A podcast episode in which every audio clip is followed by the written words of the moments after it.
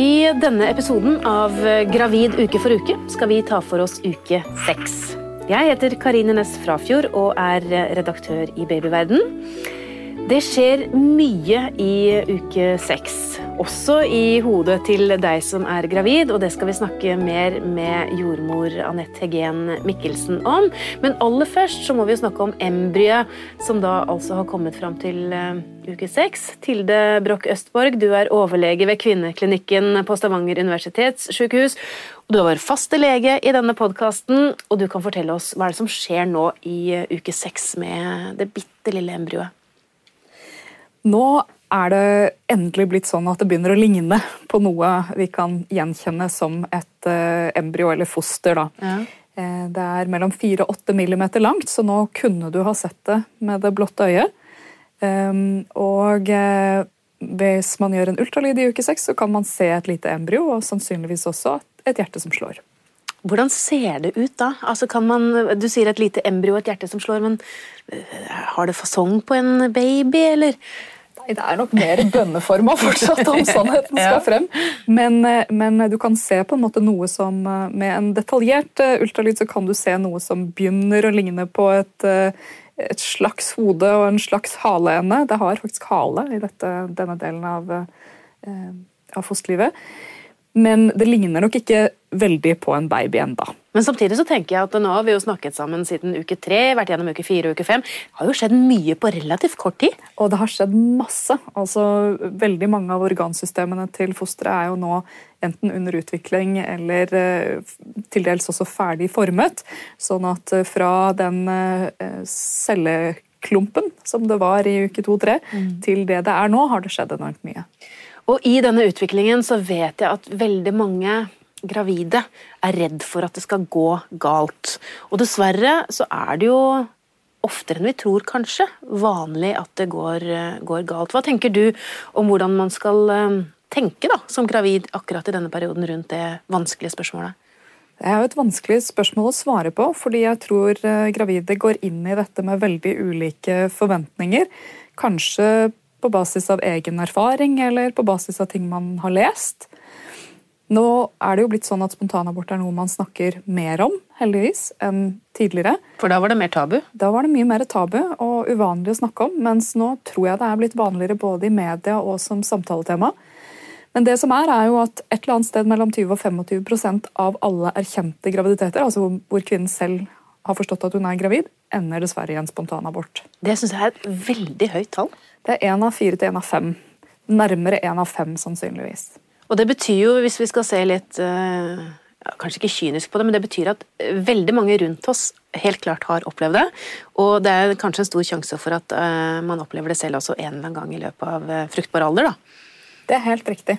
Betyr det at man nesten må forberede seg på det, syns du, eller?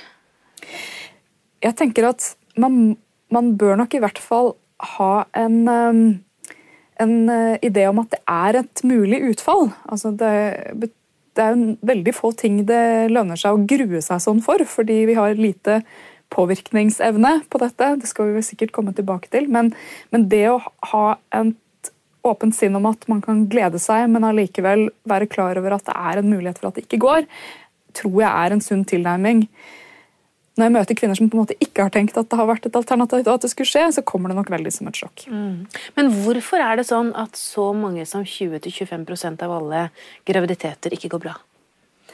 Det er et spennende spørsmål som nesten griper inn i det filosofiske. Altså, Hvorfor er det sånn at, uh, at seleksjonen i utgangspunktet er såpass dårlig? Og det viser seg at uh, Nå gjør man ikke rutinemessig undersøkelse av de, de uh, svangerskapene som aborteres så tidlig. Men i de studiene hvor man har gjort det, så er det ca. 50% av dem som har en kromosomfeil som ikke er forenlig med liv. Så altså Av halvparten av spontanabortene så snakker vi om alvorlige kromosomfeil. Og Da er det rett og slett naturen som rydder opp? Går det an å si det? Det er det det er at, eh, at, fordi eh, disse feilene ikke er forenlig med liv, så slutter fosteret å utvikle seg, og så skjønner kroppen på et eller annet tidspunkt det og rydder opp. Men kroppen kan rydde opp på ulike måter også? Det er helt uh, riktig. Um, det er jo sånn at Før ultralydens tidsalder så visste man jo ikke noe om det, egentlig. Kvinnene var gravide, og så enten fødte de et barn, eller så hadde de en spontanabort på et eller annet tidspunkt i svangerskapet. Men nå er det jo sånn at noen blør. Det skal vi også komme tilbake til, men ca. en tredjedel av alle kvinner har en eller annen form for blødning i svangerskapet. Og mange av de er helt ufarlige. Men eh, dersom man har en kraftig blødning, menstruasjonssmerter og sånn, eh, og det tømmer seg koagler eller rikelig med blod, så er det ofte en pågående spontanabort. Og hvis man blør, så bør man vel kanskje ta og komme seg til lege og få sjekket det, uansett? Hvis man har, eh, Det er ikke uvanlig å ha litt spotting. Eh, altså Sånn helt lett rosa og rødt på papir og sånn, det tenker jeg egentlig ikke man trenger å nødvendigvis bruke mye energi på.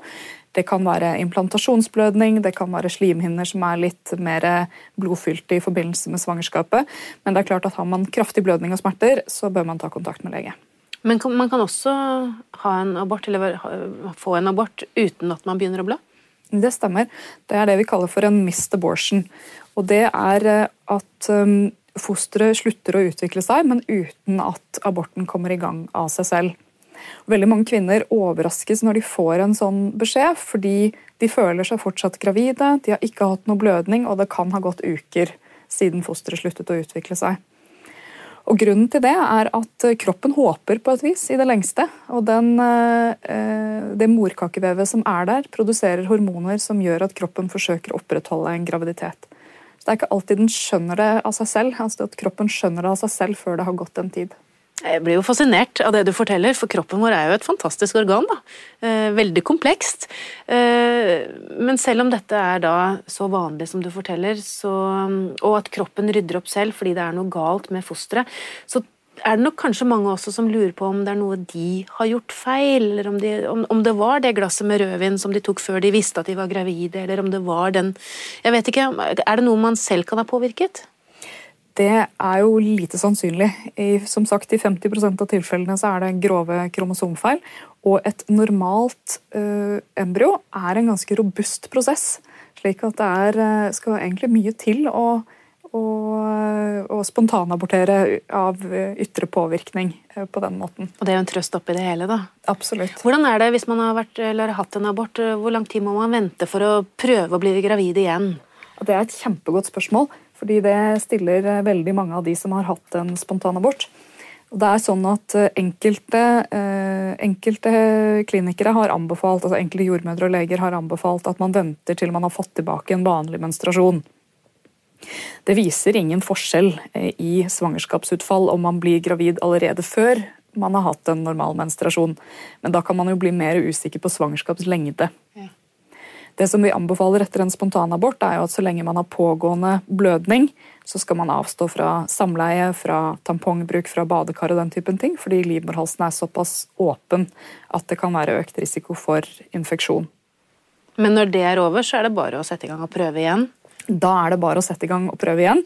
Eh, som sagt, Den eneste ulempen med å prøve igjen før man har fått en menstruasjon, er at man vet jo ingenting om svangerskapslengde. Så hvis man da bare ikke får noen menstruasjon, så, så vet man jo ikke egentlig når man ble gravid. Men det finner man jo ut før eller siden, da. ja. Um, det å være gravid Takk skal du ha, forresten, Tilde Broch Østborg. Veldig god forklaring der. Det å være gravid innebærer jo også mentale endringer, i tillegg til de eh, fysiske. Og etter pausen skal eh, jordmor Anette Heggen Mikkelsen forklare mer om det.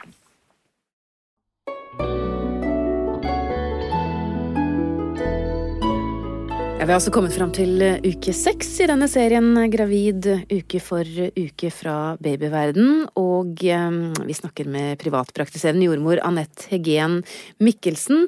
Og nå Anette, må vi snakke litt om hva som skjer mentalt hos mm. en gravid kvinne. For det er klart at det er mye som skjer i kroppen rent fysisk, men dette har jo veldig mye å si for hvordan vi føler oss mentalt også. Ja, og jeg tror at det er ganske mange som blir veldig overraska over at eh, denne graviditeten så tidlig påvirker den mentale helsen nå, eller at man, man får en litt annen innstilling til både ektefeller og omgivelser. Eh, ja, eller den man bor sammen med, eller jobber sammen med for den saks skyld. Man omgås jo ja, mange mennesker. Ja, de menneskene man har rundt rundt seg som man har fortrolighet for, var vel egentlig det jeg tenkte å si. Men hvilke mentale forandringer er det man skal gå gjennom, da? Det er mange gravide som kommer til meg og er litt i tvil om både det ene og det andre, da. Og det er jo fordi at de har gjerne blitt planlagt gravide og ønsker seg dette inderlig. Men samtidig så begynner de å bli litt redd for fødselen, kanskje, og de kjenner på at de ikke tør å si det til hvem som helst, at de syns de har eh, kanskje eh, en sånn følelse av komme to the point of no return, som det heter. Altså, Ingen vei tilbake? Nei, for det er jo ikke det. Eh, altså, samtidig som man ønsker å være gravid og veldig gjerne vil ha denne babyen, så, så tenker de at eh, ja ja, det er greit nok, men jeg må jo gjennom et svangerskap, og hvordan kommer det til å gå? Og jeg må jo ikke minst gjennom en fødsel, og hvordan kommer det til å gå? Men fødselen er jo veldig langt fram. Begynner Ja. man å bekymre seg for den så Ja, tidlig? vet du, det syns jeg jeg ser. Ja. At uh, den derre følelsen av å ikke kunne snu og ikke kunne angre, er det en del som presenterer.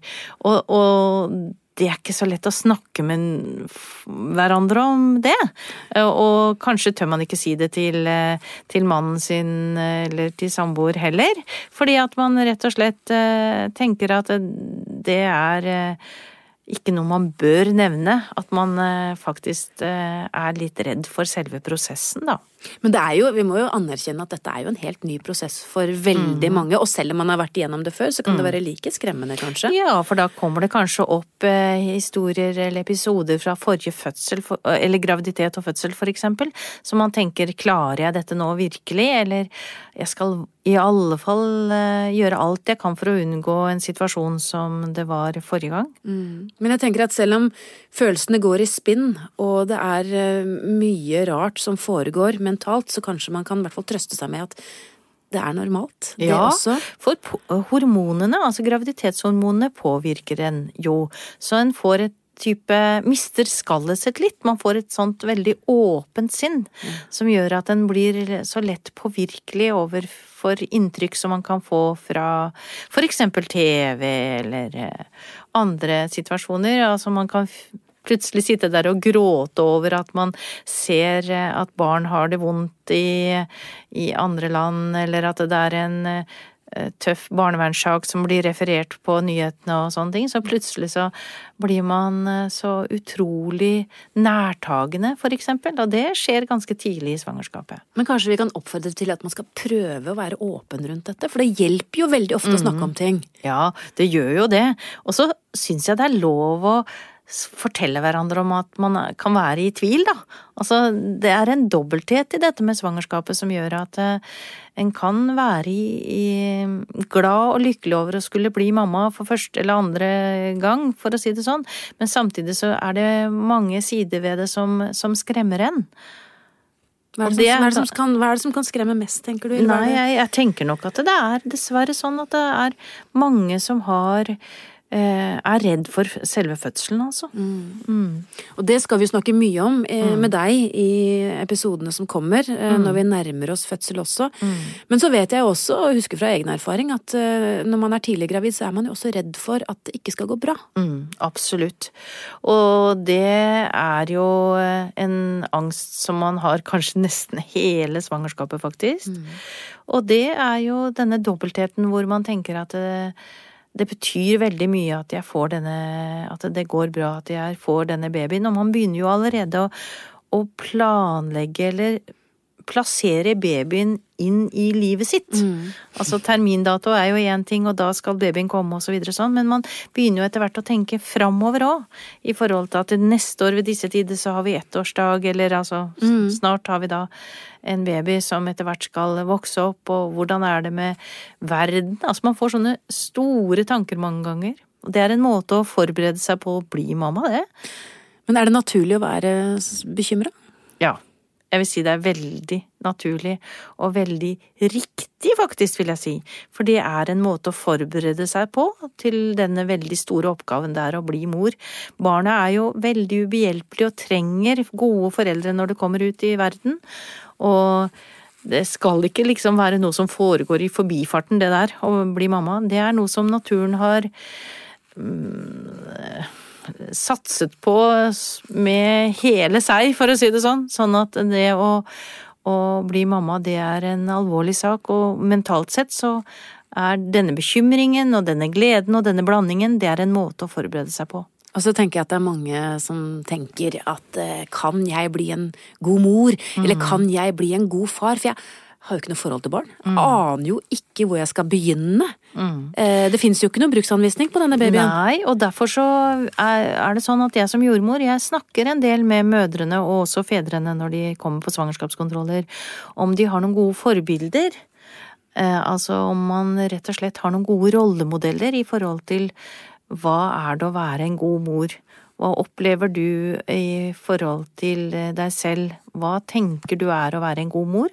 Og har du hatt en god mor selv, er også faktisk et spørsmål som jeg stiller, som noen kan oppleve som veldig privat, og det er det jo òg. Men det er nå engang sånn da, at det hjemmet man vokser opp i, det er jo den, det utgangspunktet man har for å danne en god familie, eller danne gode forhold for babyen eh, som skal komme. Mm, og, og, vi håper jo, eller man ønsker jo å komme fra en trygg og god familie selv, men mm. så vet vi at det er jo ikke alle som gjør det. Nei. Og da tenker jeg at hva om man kommer fra en familie som kanskje ikke har vært så god, at man mm. har en mor som kanskje ikke har vært så god, dessverre, ja. um, og er redd for at man blir sånn selv. Mm. Så har man jo da mulighet gjennom samtale uh, og refleksjon å bidra til at man får en mye bedre familiesituasjon for den ungen som kommer. Det går egentlig rett og slett på å tenke etter. Hva vil jeg i forhold til den nye familien som jeg nå stifter, og hva tenker jeg er å være en god mor og en far. Eh, I, når, når, vi nå får en baby, det er en god mulighet for å endre eh, og gjøre bedre det man har ut fra den erfaringen man har hatt fra før. For det er jo ikke sånn at negative erfaringer nødvendigvis trenger å dras med videre? Nei, overhodet ikke. Men det er veldig ok å snakke med noen om det veldig tidlig. Mm. Sånn at man blir litt bevisst på hva man vil endre. Men det kan være vanskelig. Mm. Å komme til en jordmor som man kanskje ikke kjenner så godt, og mm. bære på litt sånn vonde følelser mm. fra eget liv. Mm. Eh, hva vil du si til de som på en måte kanskje tenke på at jeg burde åpne meg, men jeg vet ikke helt hvordan jeg skal begynne? Nei, også da får man vel tenke på at det er en fordel at svangerskapet er så langt som det er da, da. For da har man jo mulighet til å ta dette litt i porsjoner og kjenne på om man har trygghet for jordmoren eller legen eller noen annen som man har i omgivelsene i forhold til å ta de vanskelige temaene. Så man kan jo ta det gradvis, og man kan kjenne på at eh, tiden er moden kanskje litt etter hvert. Kanskje ikke ved første besøk, men etter hvert. At man kjenner at man har en trygghet og en tiltro til den personen man har foran seg. Og så vet vi at det å sortere tankene sine og gjerne si de ut høyt, mm. ofte hjelper. Ja, det gjør det. Takk skal du ha, Anette Heggen Mikkelsen, privatpraktiserende jordmor.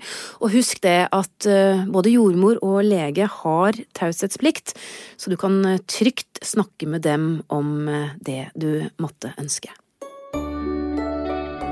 Hvis du vil ha mer og troverdig informasjon om graviditet og småbarnstid, finner du mange tusen artikler på babyverden.no. Last gjerne ned appen vår Gravid og barn, så kan du følge din babys utvikling uke for uke, både før og etter fødsel. I appen finner du også artikler, morsomme verktøy, gode tilbud og selvfølgelig også alle podkastepisodene våre. Som medlem i Babyverden får du også ukentlige nyhetsbrev med masse nyttig informasjon om både deg og babyen din, og tilgang til vårt populære diskusjonsforum. Våre medlemmer er også med i trekningen av flotte premier hver måned helt fram til barnet fyller ett år.